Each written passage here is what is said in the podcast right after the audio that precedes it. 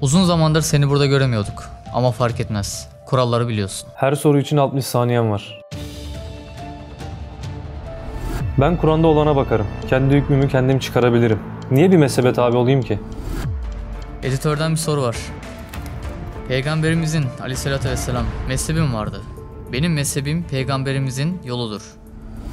Mezhep imamlarının her birisi farklı farklı şeyler söylüyorlar. Hangisine inanalım biz? Mezhepler dini bölmek parçalamak içindir diyenler var. Bu konuda ne düşünüyorsun? Hatta Allah ayetinde bizi uyarıyor. Resulüm, dinlerini parça parça edip gruplara ayrılanlarla artık senin hiçbir ilişkin yoktur. Onların işi ancak Allah'a kalmıştır.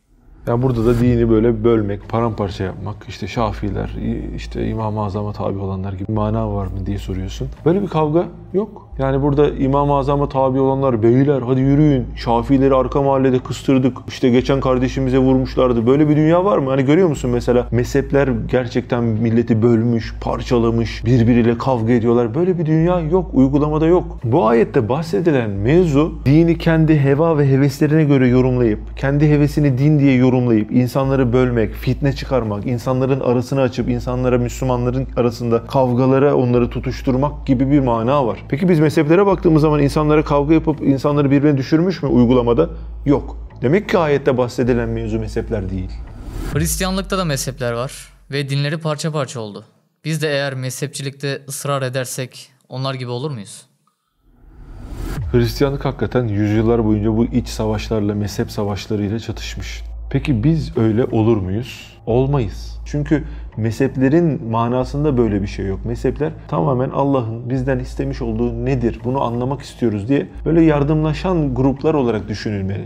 Uygulamada böyle bir şey olmamış bir yıldır fazladır. Bundan sonra da olmaz. Şöyle bir örnek verebiliriz. Bir ordumuz var. Kara kuvvetleri var, deniz kuvvetleri var, hava kuvvetleri var. Bunlar nasıl aynı gayeye hizmet edip düşmana taarruz ediyorlar? Mezhepler de aynı bu şekilde. Evet aralarında farklılıklar olabilir teferruat kısmında. Biri uçuyor, biri yüzüyor gibi, deniz altından gidiyor gibi. Ama hepsi aynı gayeye hizmet ediyor. Yani hava kuvvetleri, ya bizim deniz kuvvetleri de ne oluyor böyle hiç hoşuma gitmiyor. Hadi beyler bunları bir bombalayalım deyip kendi ordusuna bomba atıyor mu? Atmıyor. Mezheplerin içinde de işte böyle bir durum söz konusu. Hepsi birbiriyle barışık bir şekilde olayın hikmetini anlamışlar. Ben Kur'an'da olana bakarım. Kendi hükmümü kendim çıkarabilirim. Niye bir mezhebe tabi olayım ki? Kendine şunu sorman lazım bence.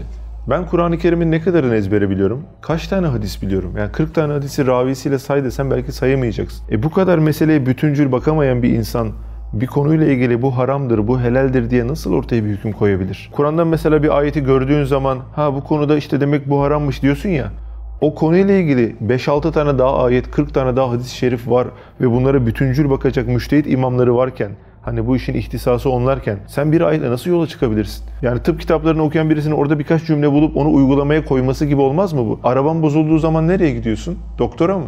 Sanayiye gidiyorsun. Peki vücudun arızalandığı zaman sanayiye gidip ustaya kendine ustam bana bir bak diyor musun? Demiyorsun doktora gidiyorsun. Peki din konusunda niye böyle düşünüyorsun? Acaba bu bir gurur, bir enaniyet veya şeytanın bir oyunu olabilir mi? Bu konuyla ilgili bize bir ayet söyle. Okuyalım bu konuyla alakalı. Nisa 83. ayeti kerime. Kendilerine güven veya korku hususunda bir haber geldiğinde onu hemen yayı verirler. Halbuki onu peygambere ve aralarında yetkili kimselere götürseler, yetkili kimselere götürseler, onlardan sonuç çıkarmaya gücü yetenler onu anlarlardı.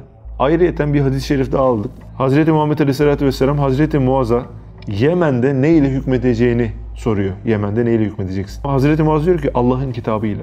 Efendimiz diyor ki Allah'ın kitabından bir hüküm bulamazsan o konuyla alakalı. Resulünün sünnetiyle. Onu da bulamazsan, onda da bulamazsan sorusuna diyor ki reyimle içtihat ederim. Peygamberimiz de diyor ki aleyhissalatü vesselam Resulünün elçisini peygamberinin razı olduğu şekilde muvaffak kılan Allah'a hamdolsun diyor. Tamam ben yine de yapmak istiyorum diyen birisine ne dersin? O zaman 6000'den fazla olan ayet-i kerimeleri ezberle. Bunların manasını da bileceksin tabii ki. 500 binden fazla da hadis ezberlersin. Veya hadi 300 bin olsun. Bir hüccet ol en azından. 300 binden fazla hadis de ezberine al. Bismillah de başla. Yapabilir misin? Yapamazsın. Hele bu asırda. Editörden bir soru var. Peygamberimizin aleyhissalatü vesselam mezhebim vardı. Benim mezhebim peygamberimizin yoludur. Doğrudan doğruya ona uymak daha mantıklı değil mi? Efendimiz Aleyhisselatü Vesselam'ın bir mezhebi yok. Bu soruda da ciddi bir mantık hatası var. Çünkü o varken o mezhepler çıkmamış. İmam-ı Azam, İmam-ı Şafii bunlar daha sonra oluyor. Ama mantık hatası şurada. Zaten bütün mezheplerin, içtihatların hepsi Kur'an'a ve hadise, sünnete dayanıyor. Şimdi böyle bir soru abes oluyor. Neden? Şimdi bütün gördüğümüz renkler işte güneşten geliyor. Peki güneş hangi rengi seçer? Efendimiz Aleyhisselatü Vesselam'ın sözlerinden geliyor bu mezhepler. Efendimiz Aleyhisselatü Vesselam hangi mezhebi seçer? Hangi mezheptendi diye bir soru manasız oluyor. Ben peygamber neyse ben o tabi olayım diyorsun ya. E zaten mezhepler gidip de peygamberimizin sözü yerine başka birinin değil. Efendimiz Aleyhisselatü Vesselam'ın ne kadar sözü varsa, ayet-i kerimelerde ne yazıyorsa onları bizim önümüze sürüyorlar. Başka dinden birisinin sözünü alıp getirip işte bunu koyalım buna göre hükmedelim değil. Senin peygamberin anlamanı sağlıyor zaten mezhepler. İmam-ı Azam'a, İmam-ı Şafii'ye o günün şartlarında o kadar hadisler gelmiş ve ona göre iştahat etmişler. Ama günümüzde bütün hadislere ulaşabiliyoruz. Ona bakıp iştahat etmek sence de daha mantıklı değil mi? Tabi bu soruyu sorarken bu zatların az hadis bildiği gibi bir algı var. Bu doğru değil. Mesela İmam-ı Azam Hazretleri 4000 tane alimden ders alıyor. 4000 alimden ve bunlardan 300 tanesi tabi'in yani sahabeleri görmüş, sahabelerle görüşmüş insanlar. Ahmet bin Hanbel dediğin zaman İmam-ı Maliki, İmam-ı Şafii'si, İmam-ı Azam'ı bunlar yüz binlerce hadisi hıfzına almış insanlar, ezberlemiş insanlar. Ve bir konuya bütüncül bakılabiliyor. Hani sen okurken işte oradan bir hüküm çıkartacağım diye uğraşıyorsun ya. Olmaz. Ezberinde olması lazım. Yani sen o konuyla ilgili hüküm çıkarken imdadına 40-50 tane hadisin yetişmesi lazım. Bütüncül olayı görebilmen lazım. Ama sen ne yapıyorsun? Buradan bunu aldım, şuradan bunu aldım, bunu birleştirdim derken o bütüncül bakışı hafızanda bütün bunlar olmadığı için yakalayamıyorsun. Bununla birlikte içtihat yapmak sadece böyle bir bilgi aktarımı değil ki. Ya Google'dan buldum, hadi beyler içtihat ediyorum. İşte Mustafa ile içtihat.com sitemi açtım. Böyle bir şey değil ki. Bir maneviyat lazım, manevi atmosfer lazım. Mesela Celaleddin Suyuti Hazretleri 70 defa Efendimiz Aleyhisselatü Vesselam'la yakazeten görüşüyor. Ve Efendimiz Aleyhisselatü Vesselam bu söz benim sözüm değildir gibi bazı uyarılarda bulunuyor. Şimdi bu kadar manevi atmosfer yüksek, rüyada demiyorum bak yakazeten Efendimiz Aleyhisselatü Vesselam'la görüşen maneviyat büyüklerinin yapmış olduğu içtihat nerede? Senin benim dünyanın içinde boğulurken yapmış olduğumuz kafamızda bin tane dünyevi şey. Ayet desen, hadis desen bunları ezberlemiş değilsin. Bunların Türkçe manalarını biliyor değilsin. Arapça düşünebiliyor değilsin. Efendimiz Aleyhisselatü Vesselam'ın tarzı ifadesine aşina değilsin. Bütün o bütünü kaçırıp manevi atmosferinde zayıf olduğu bir ortamda sağlıklı bir iştahat çıkamaz. Ki ben sana tamam desem ne yapacaksın? Gidip Kur'an'ı ezberine alacak mısın? Hafız olacak mısın? Gidip hadis-i şerifleri ezberleyecek misin? Oturduğun yerden soru sormak kolay. Soru sormaya gelince rahat rahat sorunu soruyorsun. Hadi icraata gel. Peki bu görüşleri ortaya atanların amaçları ne? Ben çok halis bir niyet taşıdıklarını düşünmüyorum. Tabii kafası karışanlar ayrı ama bu görüşleri ortaya atanlar hani baktığın zaman gerçekten ne ayet konusunda ne hadis konusunda böyle bir ezberleri, bir gayretleri yok. Yani beş vakit namazını bile kılmayanlar var bunları söyleyenlerin içinde. Amaçları ne? Kendi dünyalarını kurmak istiyorlar. Şimdi ibadetler var yapamıyor. Haramlar canını sıkıyor. Ama bu içtihatlarla oynayarak kendi istemiş olduğu dünyayı İslam'ın içinde kurmaya çalışıyor. İslam'ın dışına çıksa vicdan azabı var ama İslam'ın içinde kendi alışkanlıklarını yaşayabileceği bir düzen kurabilir miyim? Bir de bu insanları da arkamdan sürükleyebilir miyim diye şeytani bir oyunun içinde. Yani inandığı gibi yaşamadığı için yaşadığı gibi inanmaya başlıyor. Buna da bir kılıf uydurmaya çalışıyor ki vicdan azabından kurtulsun. Peki bir mezhebe tabi olmasam günahkar mı olurum? Ya da Müslüman sayılmaz mıyım? Eğer bir mezhebe tabi olmuyorsan, bir müştehide tabi olmuyorsan bir şeyin haram veya helal olduğunu nasıl anlayacaksın? Doktorluğu ben yapsam olmaz mı diyorsun? Hiçbir eğitim, hiçbir şeyin yok. Ben de diyorum ki sana o zaman ameliyata yatırdığın hasta masada kalır. Sen neye göre iştihat yapacaksın? Kaç tane ayet biliyorsun? Kaç tane hadis biliyorsun? Şu konuyla ilgili bana 40 tane hadis söyle desem söyleyebilecek misin? Hafızanda var mı? Ne Arapça mı biliyorsun? Hiçbir şey yokken insanların böyle bir şey çıkması çok manasız bence. Ramazan el-Buti isminde çok büyük bir alemin çok güzel bir tespiti var. İnşaatçılar mesela deseler ki inşaata başlayacaklar. Ya biz plan, proje, mimar, mühendis tanımıyoruz. Biz kendimiz yapacağız. Gireriz yaparız bu işi deseler ve gökdelenin inşaatına başlasalar ne olur? Veya birileri dese ki ya boş verin doktorları ya. Doktor moktor hiç gerek yok böyle şeylere ya dese. Ameliyata yatan insanlar, hastaneye giden insanlar ölürler yani yanlış tedaviden dolayı. Ve o gökdelen inşaatı ne olur? Patlar değil mi? Yani tıp ilmi olmadan birisi ameliyat yapabilir mi o ilimleri almadan? İşte bu konuda da sen de bu ilimleri almadan bu işe girdiğin zaman ne yaparsın? Dini tamamen yanlış anlarsın. Kendi yaşadığın gibi bir din uydurmaya başlarsın. Bir de şöyle bir şey var yani asırlardır gelen bir dini gelenek var. İnsanlar tabi olmuşlar. Çok büyük ilim sahibi alimler de bir mezhebe tabi olmuşlar. E şimdi bin yıldan fazladır gelen bu geleneğe karşı ya ben böyle yapmayacağım başka bir yol bulacağım demek acayip bir cesaret ve çok tehlikeli bir yol. Biraz da böyle gurur kokuyor yani ben onları beğenmiyorum gibi. Ya sen onları beğenmiyorsun da onların yüzde biri sende yok ki. Bu konuyla ilgili bir ayet de paylaşayım. Kim peygambere karşı çıkar ve kendisi için doğru yol belli olduktan sonra müminlerin yolundan başka bir yola giderse onu o yönde bırakırız ve cehenneme sokarız. O ne kötü bir yerdir diyor. Doğru dediğim şey Allah katında birdir. Fakat bakıyorsun mezhep imamlarının her birisi farklı farklı şeyler söylüyorlar. Birisi akan kan abdest bozar diyor. Diğeri çizme boyu kadar diyor. Hangisi doğru? Hangisine inanalım biz? Ben bir bardak su alayım. Şimdi öncelikle bu mezheplerin birbirinden farklı olan görüşleri tamamen teferruat kısmında bunu bilelim. Hani dinin ana meselelerinde değil. Yani hepsi la ilahe illallah Muhammed Resulullah diyor.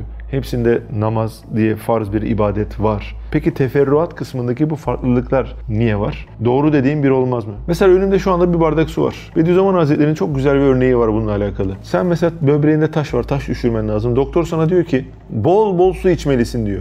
Aynı su, suyu değiştirmedim. Sen de böyle kendinden geçmişsin böyle. Kuduz olmuşsun. Ve doktor sana diyor ki asla su içme veya içebildiğin kadar az iç diyor. Aynı su farklı kişilere göre farklı hüküm aldı. Kimin için helal oldu, kimin için haram oldu. İşte sen diyorsun ya, ya doğru dediğin bir olur. Niye böyle birden fazla doğru var? E bak doğru bir ama farklı kişilere göre farklı doğrular oldu. Demek ki bir konuda birden fazla doğru olabilir. Mesela Hazreti Ayşe validemizin olayını anlatayım. Tam mesele netleşsin. Neden bu farklılıklar çıkıyor? Bir gün Efendimiz Aleyhisselatü Vesselam namaz kılarken secdeye gittiğinde oradaki bir taş Efendimiz Aleyhisselatü Vesselam'ın alnında bir kanın akmasına sebebiyet veriyor. Hazreti Ayşe Efendimiz'e yaklaşıyor Aleyhisselatü Vesselam'a ve alnındaki o taşı alıyor ve yere atıyor. Daha sonra da Efendimiz Aleyhisselatü Vesselam abdeste yöneliyor. İmam-ı Şafii Hazretleri diyor ki Efendimizin abdesti bozuldu, abdeste yöneldi. Neden? Çünkü bir kadın ona temas etti. Kadına temas etmek abdesti bozar diyor. İmam-ı Azam Hazretleri de aynı olaya bakıp diyor ki kan aktığı için abdesti bozuldu diyor. Efendimiz o yüzden abdeste yöneldi diyor. Bu konulardaki farklılıklar işte bu tarzda farklı görüşlerden ortaya çıkmış ve gördüğün gibi tamamen teferruat kısmına ait bilgiler bunlar. İyi de Peygamber aleyhissalatü vesselam bunu başka bir hadiste belirtip buna bir açıklık getiremez miydi?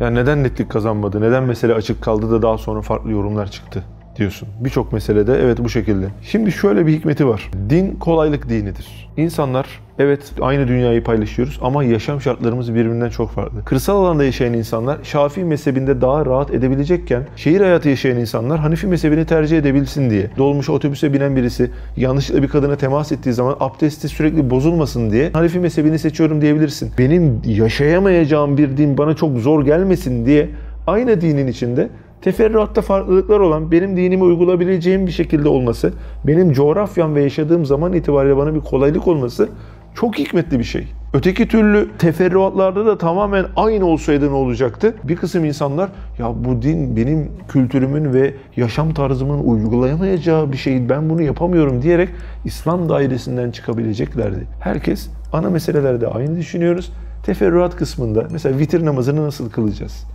Vitir namazını işte Şafiler farklı kılıyor, Hanifiler farklı kılıyor ama tamamen teferruat kısmında. Peki ben mezhepler arasında bir geçiş sağlayabilir miyim? Mesela kan aktı, abdest bozuldu. İmam Şafii'ye uyabilir miyim? Ya da yanlışlıkla bir kadına temas ettim. Burada da İmam-ı Azam'a uyabilir miyim?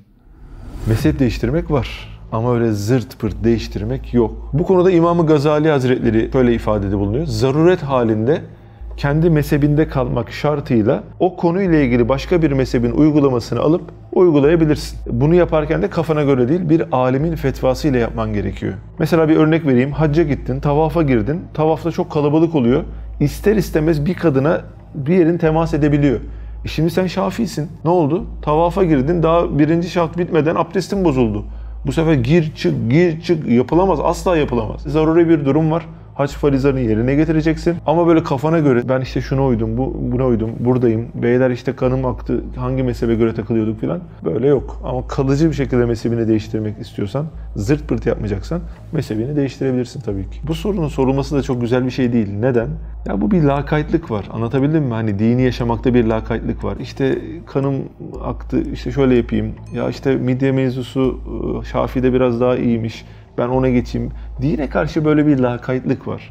Bizim dini sınırlarda yaşayan değil, azimet noktasında, takva noktasında kovalayan insanlar olmamız lazım. Sahabeler böyleydi. Yani bu helal midir diğerine ya bunun daha sevaplı hali, daha faziletli hali nedir diyerek bizim bunu kovalamamız gerekiyor aslında. Bu sorulara böyle cevap vereceğini düşünmüyordum. Teşekkürler. Teşekkürler. Ya bir Allah razı olsun desen ölürsün değil mi? Burada geriyorsunuz ortamı soru soracağız diye. Nerede böyle farklı farklı acayip acayip sorular buluyorsunuz getiriyorsunuz. Millet de size o soruları soran zannediyor bazen. Arkadaşlar bu kardeşlerimiz namazında, abdestinde, mezhebi bilen, itikadı düzgün olan arkadaşlar konsept gereği böyle bir çatışma gibi böyle bir şey olsun ki bizimle aynı düşünmeyen, ehli sünnetle aynı düşünmeyen insanların görüşlerini böyle getirip sıkıştırsınlar ki hakikat ortaya iyice çıksın diye böyle yapıyorlar. Yani halim, selim, güzel insanlar. Çok da gizemlisiniz hocam. Yüzünüzü kimse göremiyor. Yani kim acaba? Çok ciddi böyle bir merak var.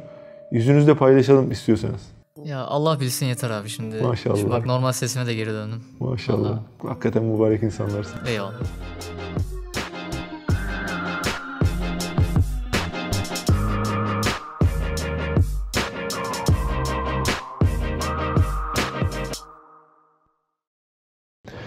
Bir de bizimkiler mi? Eskiden Kur'an'ı ezbere bilenlere hafız denmez, kari denirmiş. Alo. Abi deprem için yan tarafta şu anda deneme şeyi yapıyorlarmış. Ya yıkılıyor. Ee, bu şeyden ilk kişi gelmiş depremden ilgili. bir yandan Yakup, bir yandan depremci, bir yandan bizimkiler. Ben Herkes- ben topunuz gelin derken ikinizi kastetmiştim ya.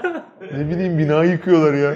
Kardeşler dua edin çıkalım şuradan gençlik merkezimize geçelim. Rahat rahat videolarımızı çekelim. Bu nedir ya? Gerçekten öyle. Yani şu an Bak. Görüyor musun? Özel'le girecekler abi. Biz ne zaman çekime girsek kesin bir tadilat yani Sözler Köşkü'nde veya yan tarafta böyle hani burası böyle binaların arasında bir yer olduğu için böyle ellerinde matkapla sanki bekliyorlar. Çekim başladı mı? Başladı. Girin beyler. Zzzz. Abi bak 12'den beri buradayız. Hiç ses yoktu. Çekim başladı. Çekime başladı.